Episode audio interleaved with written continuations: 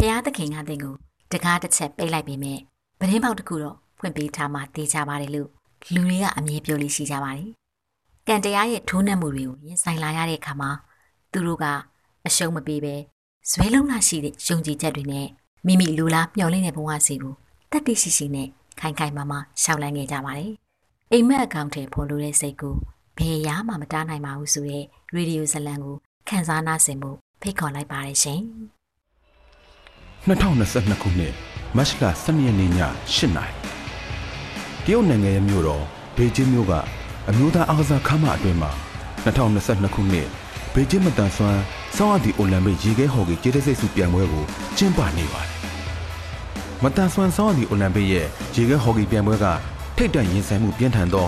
အားကစားပြိုင်ပွဲတစ်ခုပါ။မျက်နှာဖုံးစွတ်ထားတဲ့ကစားသမားတစုက တမ်နီဖရင်စွဖားလဲကိုတွန်းပြီးရေခဲပြင်ပေါ်မှာပြေးလွှားကြရင်းနဲ့ဒိုးပြားကိုအကျိတ်နဲ့လူရံနေကြပါတယ်ဒီပြံပွဲကိုပါဝင်ဆွနွဲနေကြသူကခန္ဓာကိုယ်အောက်ပိုင်းဒုက္ခိတဖြစ်နေတဲ့အာသာတဘာများပဲဖြစ်ပါတယ်ကစားပွဲမှာထိုးစစ်နဲ့ခံစစ်တွေမမြန်ဆန်ဆန်ကစားနေကြပြီးတော့အကျိတ်အနယ်လူရံနေကြပါတယ်ပရိသတ်တွေရဲ့မျက်လုံးကကစားသမားတွေပြေးလွှားနေကြတာကိုတေချာစိုက်ကြည့်ရင်းနဲ့စိတ်လိုရှားနေကြပါတယ်ယခုအချိန် ကျေးတစိတ်စုအစုံဖြတ်ပြိုင်ပွဲမှာတရုတ်အသင်းနဲ့တောင်ကိုရီးယားအသင်းတို့ရှင်ပြိုင်နေကြတာပါ။တရုတ်နိုင်ငံရဲ့မတန်ဆွမ်းဆောင်ရသည့်အိုလံပစ်ရေခဲဟော်ကီအသင်းကိုလွန်ခဲ့သော9နှစ်က2018ခုနှစ်မှာတည်ထောင်ခဲ့တာပါ။တောင်ကိုရီးယားအသင်းကတော့ပြီးခဲ့တဲ့မတန်ဆွမ်းဆောင်ရသည့်အိုလံပစ်ရေခဲဟော်ကီပြိုင်ပွဲကတတိယဆုရှင်ပဲဖြစ်ခဲ့ပါတယ်။ဒီလိုအသင်းကြီးကိုရင်ဆိုင်မှုအတွက်တရုတ်အသင်းကဖောင်ဖြတ်တိုက်ပွဲပြူဟာသုံးဖို့ပြင်ဆင်ထားကြပါတယ်။ပွဲစပါပြီ။ ဒိုင်လူကြီးကဝိုင်းဝိုင်းပြပြနဲ့ဒိုးပြကိုကွင်းအလဲကိုပြစ်တင်လိုက်ပါတယ်။ဒိုးပြဆလူကြပါပြီ။နှစ်ဖက်အသင်းရဲ့တိုက်စစ်မှုနှစ်ယောက်ရဲ့ဒုတ်တန်ဟာခွက်ခနဲ့မြည်သွားအောင်ရိုက်မိသွားကြပြီးတော့တယောက်နဲ့တယောက်အရှုံးမပေးကြပါဘူး။တရုတ်နဲ့တောင်ကိုရီးယားအသင်းနှစ်သင်းမှာတစ်ဖက်ကိုကစားသမား6ယောက်စီပွဲထွက်ကစားကြပါတယ်။သူတို့ကစွတ်ဖားကိုရေခဲစကိတ်ဖက်နဲ့အဖြစ်အစားထိုးပြီးတော့မှဟော်ကီဒုတ်တန်ကိုလှော်တန်လိုအသုံးချကရေခဲပြေမော်မှာအားကျိုးမတန်နဲ့ရှော့စီနေကြပါတယ်။ ရေခဲပြေမော်ကဒီစစ်တီတော်တွေကစွတ်ဖားကိုကျွမ်းကျင်စွာထိန်းချုပ်ပြီးတော့လှင်မြန်စွာရှော့စီနေကြတဲ့အပြင်ဟော်ကီဒုတ်တန်နဲ့တားချင်းလူချင်းဂိုးသွင်းချင်းစတာတွေကိုတွတ်တွတ်လက်လက်နဲ့လှုပ်ဆောင်နေကြပါတယ်။ပထမအချီအစ၄မိနစ်မှာတရုတ်အသင်းလက်ရွေးစဉ်ဝမ်ကျစ်တုံးကအသင်းပေါ်နှစ်ယောက်ရဲ့ဖန်တီးပေးမှုနဲ့တကိုးသွင်းနိုင်ခဲ့ပါတယ်။တကိုးကိုမရှိပါ။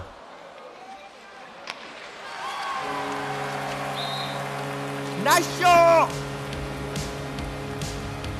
အသင်းကောင်းဆောင်ချွေးယူထောင်းရဲ့အတန်ကအသင်းဖော်တွေကိုဆက်လက်စူးစမ်းဖို့ပိုအားဖြစ်သွားစေပါတယ်ဒုတိယအချီစပြီးတော့10မိနစ်မပြည့်သေးခင်မှာပဲလေပွေးလို့နာမည်ပြောင်ရထားတဲ့တရုတ်လက်ရွေးစဉ်စမ်းရီဖုံးကတကူတော်ထိုးဖောက်ပြီးတော့ဂိုးသွင်းကတကူဂိုးမရှိနဲ့အသာရထားပါတယ်အဲ့ဒီနောက်မှာတော့တရုတ်အသင်းဘက်ကအသင်းသားအထုတ်ခံရပြီးတော့ကစားသမားရော့နေတဲ့အခြေအနေနဲ့ဆက်လက်ပွဲထိန်သွားနိုင်ခဲ့ပါတယ် နောက်ဆုံးအဆုံးဖြတ်ဖြစ်တဲ့တတိယအချီမစတင်ခင်မှာတော့တရုတ်အသင်းဘက်ကအသင်းသားတွေစုဝေးပြီးတော့မှရှေ့နှစ်ချီတုံးကအတွေ့အကြုံနဲ့လိုအပ်ချက်တွေကိုဝေဖန်သုံးသပ်လိုက်ပြီးတော့မှပကုံးဖတ်တာကအပြန်အလှန်အားပေးလိုက်ကြပါတယ်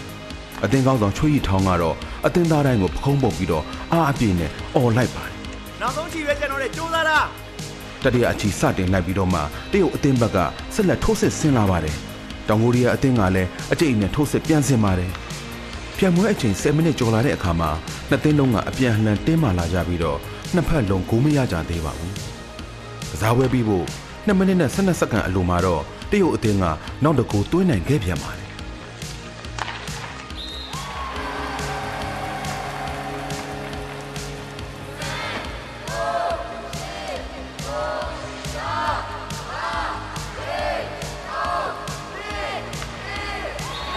ကွင်းထဲကပြည်သက်တွေရဲ့ တန်မြန်အချိန်ရေတွက်မှုနဲ့ဘေးချင်းမတန်ဆွမ်းဆောင်ရသည့်အိုလံပစ်ပွဲတော်ကရေခဲဟော်ကီကျေးတဲ့စိတ်စုပြိုင်ပွဲဟာလေးကိုကိုမရှိနဲ့အဆုံးသတ်ခဲ့ပါတယ်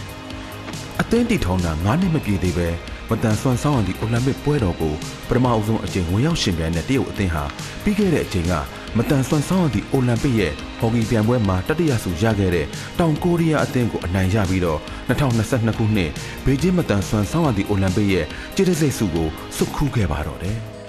တရုတ်အသင်းသားများကလက်ထဲကဟော်ကီဒုတ်တံကိုလေထဲပစ်လိုက်ပြီးတော့ခက်ခက်ခဲခဲနဲ့အနိုင်ရခဲ့မှုကိုဂုဏ်ပြုနေကြပါတယ်အသင်းသားရှူချင်းချန်ကဂုံယူဝင့်ကြွားစာနဲ့အင်ကြီးရင်ဘတ်ဘော်ကတရုတ်နိုင်ငံအလံကိုပြည်သက်တွေအားဆွဲပြနေပါတယ်အသင်းသားလူကျစ်ကတော့ဟော်ကီတုတ်တန်တစ်ချောင်းကိုခေါင်းပေါ်တင်ပြီးတော့မှဂုံပြုတ်နေပါတယ်အသင်းကောင်းဆောင်ချွေးရီထောင်းကတော့ ဒိုင်လူကြီးစီကနေဒိုးပြတစ်ခုသွားတောင်းပြီးတော့မှတမိုင်းတွင်မဲ့ဒီအချိန်ခါလေးကိုအမှတ်တရအဖြစ်တင်ထားခြင်းပါတယ်အသင်းသားကနေနီးပြအထိနောက်ဆုံးဟော်ကီပြည်သက်တွေအထိလူတိုင်းကအောင်နိုင်မှုထဲမှာပျော်ရွှင်ဝမ်းသာနေကြပါတယ်စ조사ရယူလာတဲ့အောင်မြင်မှုပဲရှိတယ်။စောင့်ဆိုင်လို့ရလာတဲ့ခန္ဓာကြီးကျယ်မှုမျိုးဆိုတာမရှိပါဘူး။အိမ်မက်ကိုရှောင်လန်းနိုင်မဲ့လမ်းကစူးညောက်ခလုတ်တွေပြည့်နေနေပါစေ။ရှောင်ပြေးဖို့အတွက်ကျွန်တော်တို့မရွေးချယ်နိုင်ဘူး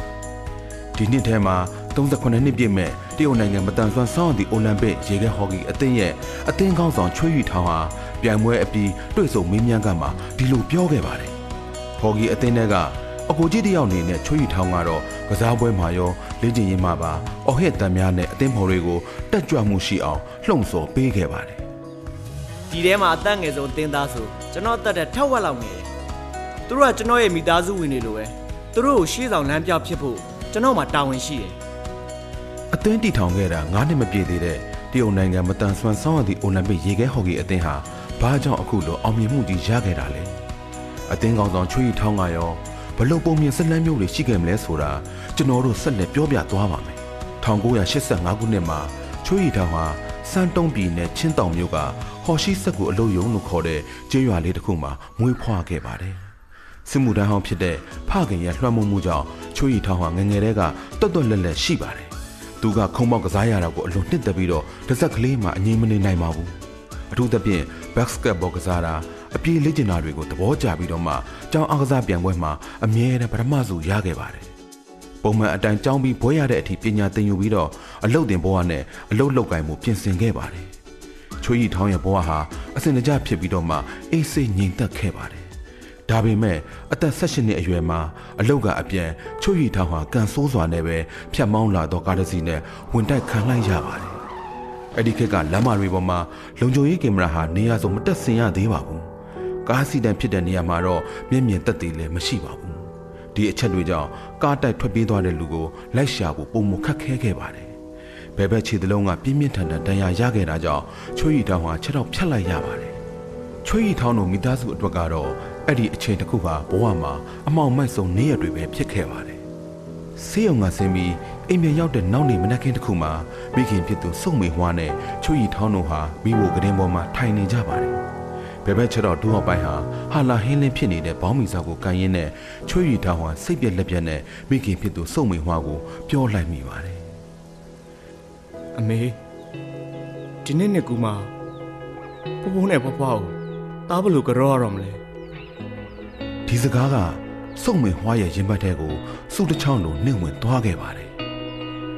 နှစ်သိမ့်မကိုခင်ပါလေတားကိုအကောင်းဆုံးခြေတူးတက်ပြီးတော့လမ်းလက်ရှောင်းနိုင်အောင်ပြီးတော့ဖိုးဖိုးနဲ့ဖွားဖွားကိုလည်းနှစ်သိမ့်ကူမှာကြောနိုင်အောင်မမေလှုပ်ပေးမယ်သားလေးဒီလိုပြောပြီးတာနဲ့တားမိနှစ်ယောက်ဟာပွေ့ဖက်ရင်းနဲ့ငုံမိကြပါတော့တယ်မိဘနှစ်ပါးကချွေးရီထောင်ကို ကံရိုးတန်းမျိုးဖြစ်တဲ့ချင်းတောင်ကဆေးရုံကိုခေါ်လာခဲ့ပြီးတော့မှချင်းငှလာတဲ့ပတ်စံနဲ့သူ့ကိုခြေအတူတက်ပေးခဲ့ပါတယ်ခြေအတူကိုအဝင်ခွင်ကျသုံးနိုင်မှုလေ့ကျင့်ရတာမလွယ်ပေမဲ့လည်းချွေးရီထောင်ဟာတစ်ချက်ကလေးမှမငင်းညူခဲ့ပါဘူးမကြခင်မှာပဲခြေအတုရဲ့အသုံးပြုပုံနဲ့ပြုပြင်ထိန်းသိမ်းနည်းတွေကိုသူကျွမ်းကျင်သွားခဲ့ပါတယ်။သူ့ရဲ့အရှုံးမပေးတဲ့စိတ်ဓာတ်ကိုလေးစားသွားပြီးတော့မှစိတ်ယုံတာဝန်ရှိသူတွေကသူ့ကိုခြေအတုတက်ပြီးတော့မှအပြေးလေ့ကျင့်ရတဲ့အလုပ်တစ်ခုနဲ့မိတ်ဆက်ပေးခဲ့ပါတယ်။ အသက်25နှစ်မှာချွေးရီတောင်ဟာဇာတိကိုပြန်ပြီးတော့မှမတန်ဆွမ်းလက်မှတ်ပြန်လဲတဲ့အချိန်မှာတော့ဒေတာကမတန်ဆွမ်းအဖွဲ့ချုပ်ကဝန်ထမ်းတအုပ်ကသူ့ရဲ့ခန္ဓာကိုယ်တောက်တင်းမှုကိုမြင်ပြီးတော့မှအားကစားလေ့ကျင့်မှုအကြံပေးခဲ့ပါတယ်ထိုအချိန်ကချင်းတော်မြို့မှာမတန်ဆွမ်းစက်ပိန်အသင်းတစ်ခုဖွဲ့စည်းဖို့လူစုနေကြပါတယ်။ချွေးရီထောင်ကိုနီးပြကျုံစုံမြန်ချွန်းကမျက်စိကျသွားခဲ့ပြီးတော့မှမတန်ဆွမ်းစက်ပိန်အားကစားသမားတစ်ယောက်ဖြစ်လာခဲ့ပါတယ်။အစမှာတော့ စနစ်တကျလေ့ကျင့်မှုမရှိခဲ့ဘူးတဲ့ချွေးရီထောင်ဟာစပိန်ပညာကိုနားမလည်ခဲ့ဘဲနဲ့အားနဲ့နင်းမို့သာနားလည်ခဲ့ပြီးတော့မှနေတိုင်းလိုလိုကီလိုမီတာ100အထက်စပိန်နဲ့လေ့ကျင့်ခဲ့ရပါတယ်။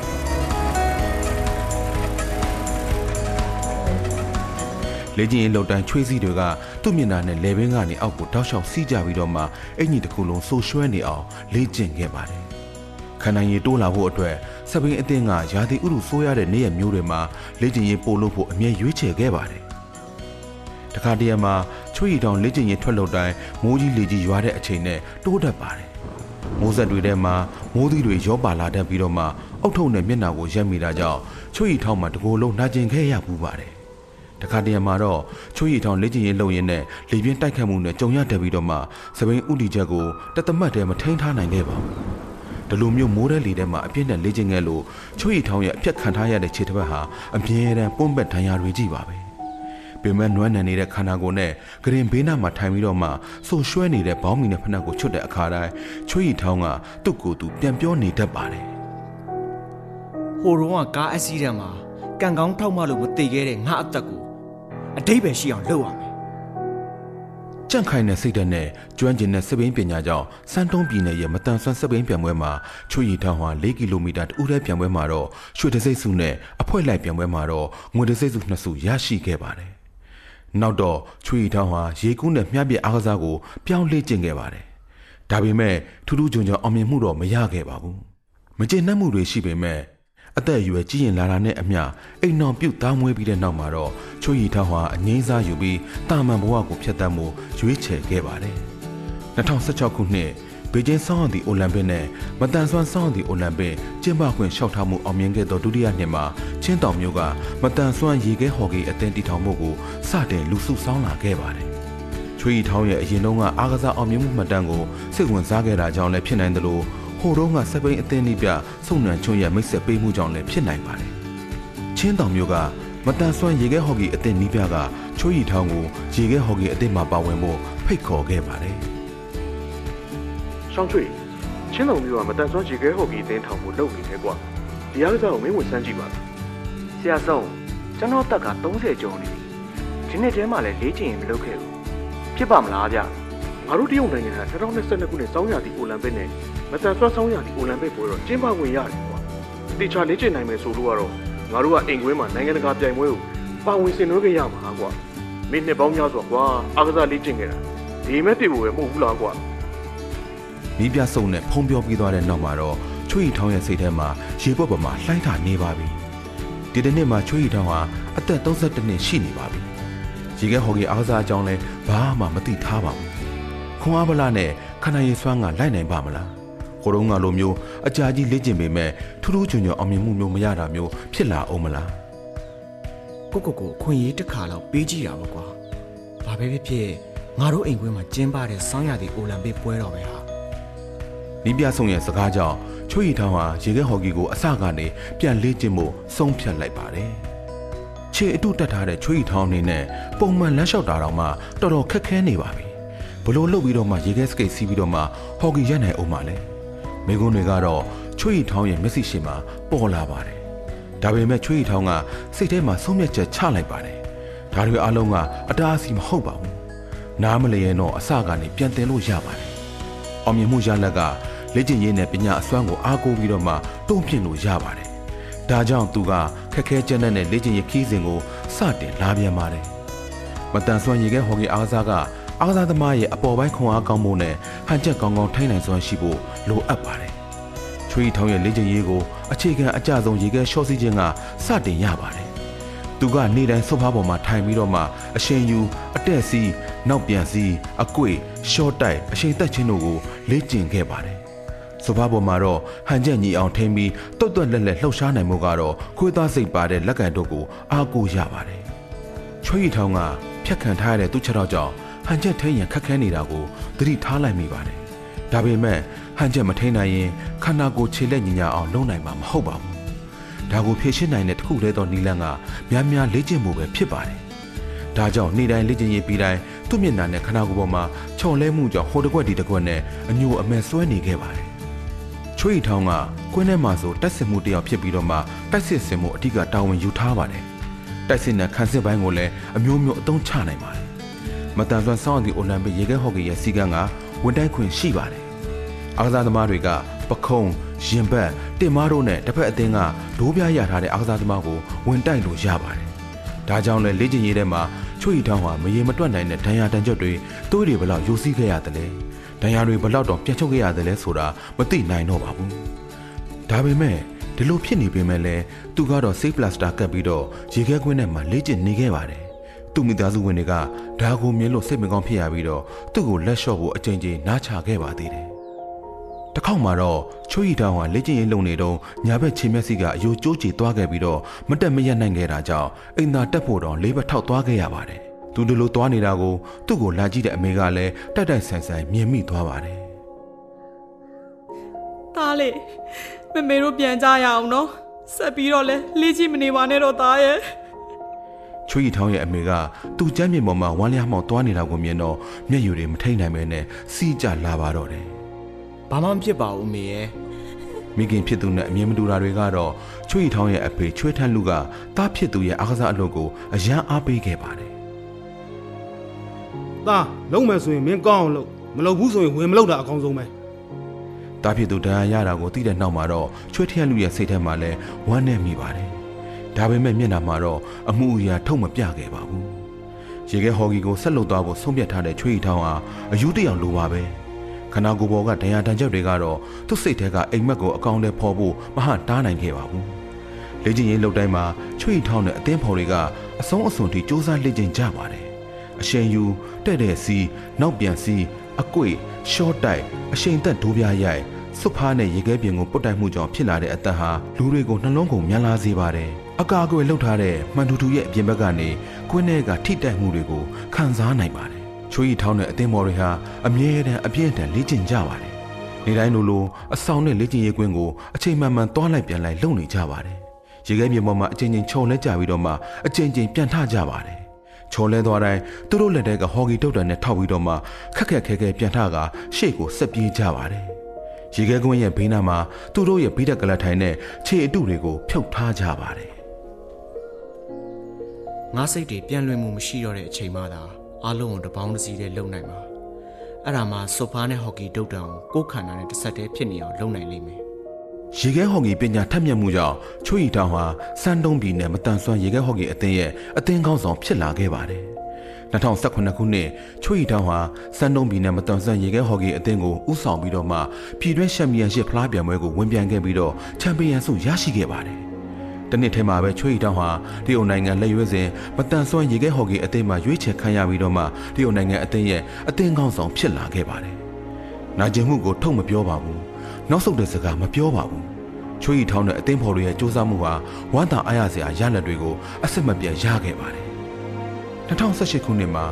ချွေးရီထောင်းဥဆောင်သောတရုတ်နိုင်ငံမတန်ဆွမ်းရေခဲဟော်ကီအသင်းဟာမတန်ဆွမ်းအိုလံပစ်ရေခဲဟော်ကီကမ္ဘာ့ဖလားပြိုင်ပွဲရဲ့အုပ်စုစီမှာချန်ပီယံဆုကိုရခဲ့ပြီးတော့မှအုပ်စု B ကိုတက်ရောက်နိုင်ခဲ့ပါတယ်။2019ခုနှစ်မှာမတန်ဆွမ်းအိုလံပစ်ရေခဲဟော်ကီကမ္ဘာ့ဖလားအုပ်စု B ပြိုင်ပွဲကိုဝင်ပြိုင်ခဲ့ပြီးတော့မှအင်ရှင်ဂျာမနီအသင်းကိုဂိုးပြတ်အနိုင်ယူကတတိယဆုကိုရရှိခဲ့ပါတယ်။ 2021ခုနှစ်ကမ္ဘာဖလားအုပ်စုပြီးပြိုင်ပွဲမှာတော့တရုတ်နိုင်ငံမတန်ဆွမ်းရေခဲဟော်ကီအသင်းက9ပွဲဆက်အနိုင်ရခဲ့ပြီးချန်ပီယံဆုကိုစုခူးကအုပ်စု A ကိုအောင်မြင်စွာတက်ရောက်နိုင်ခဲ့တဲ့အပြင်2022ခုနှစ်ဘေကျင်းမတန်ဆွမ်းဆောင်းအသည့်အိုလံပစ်ပွဲတော်ကိုဝင်ရောက်ရှင်ပြိုင်ခွင့်ရခဲ့ပါတယ်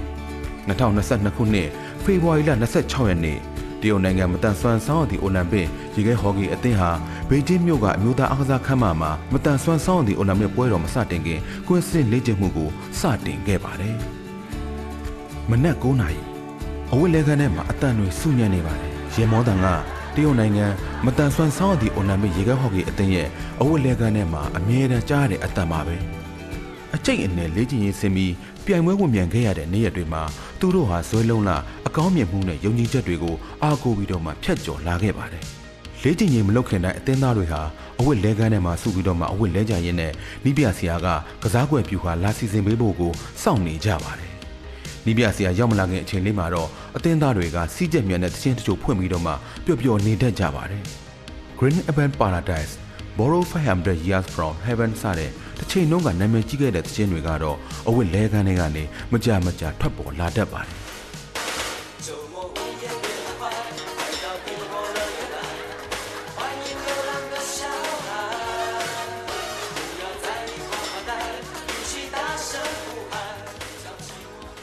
ဒီသချင်းတွေကကပတိန်ရဲ့အသက်အရွယ်နဲ့လိုက်တယ်နားထောင်နေကြဖြစ်နေပြီသူလည်းအသက်40ပြည့်တော့မယ်လေ အသက်ငယ်တဲ့အသင်းသားတွေကရရမောမောနဲ့ပြောနေကြပါတယ်အသက်ငယ်တဲ့အသင်းသားတွေရဲ့စနောက်တဲ့စကားကိုကြားရတော့ချွေရီထောင်းကရေမောရင်းနဲ့ပဲအကစားဝတ်စုံကိုတေချာကြိုးချီရင်းနဲ့ပြောလိုက်ပါတယ်ငါအခုအသင်းထဲမှာအသက်ကြီးဆုံးအသင်းသားလေအသက်ငယ်ဆုံးတင်းသားမှာ18နှစ်ငါအသက်တဝက်ပဲရှိသေးတာဒီကလေးနဲ့အတူကစားတော့ငါကူငါတော့အသက်ငယ်သွားတယ်လို့ခံစားရတာပေါ့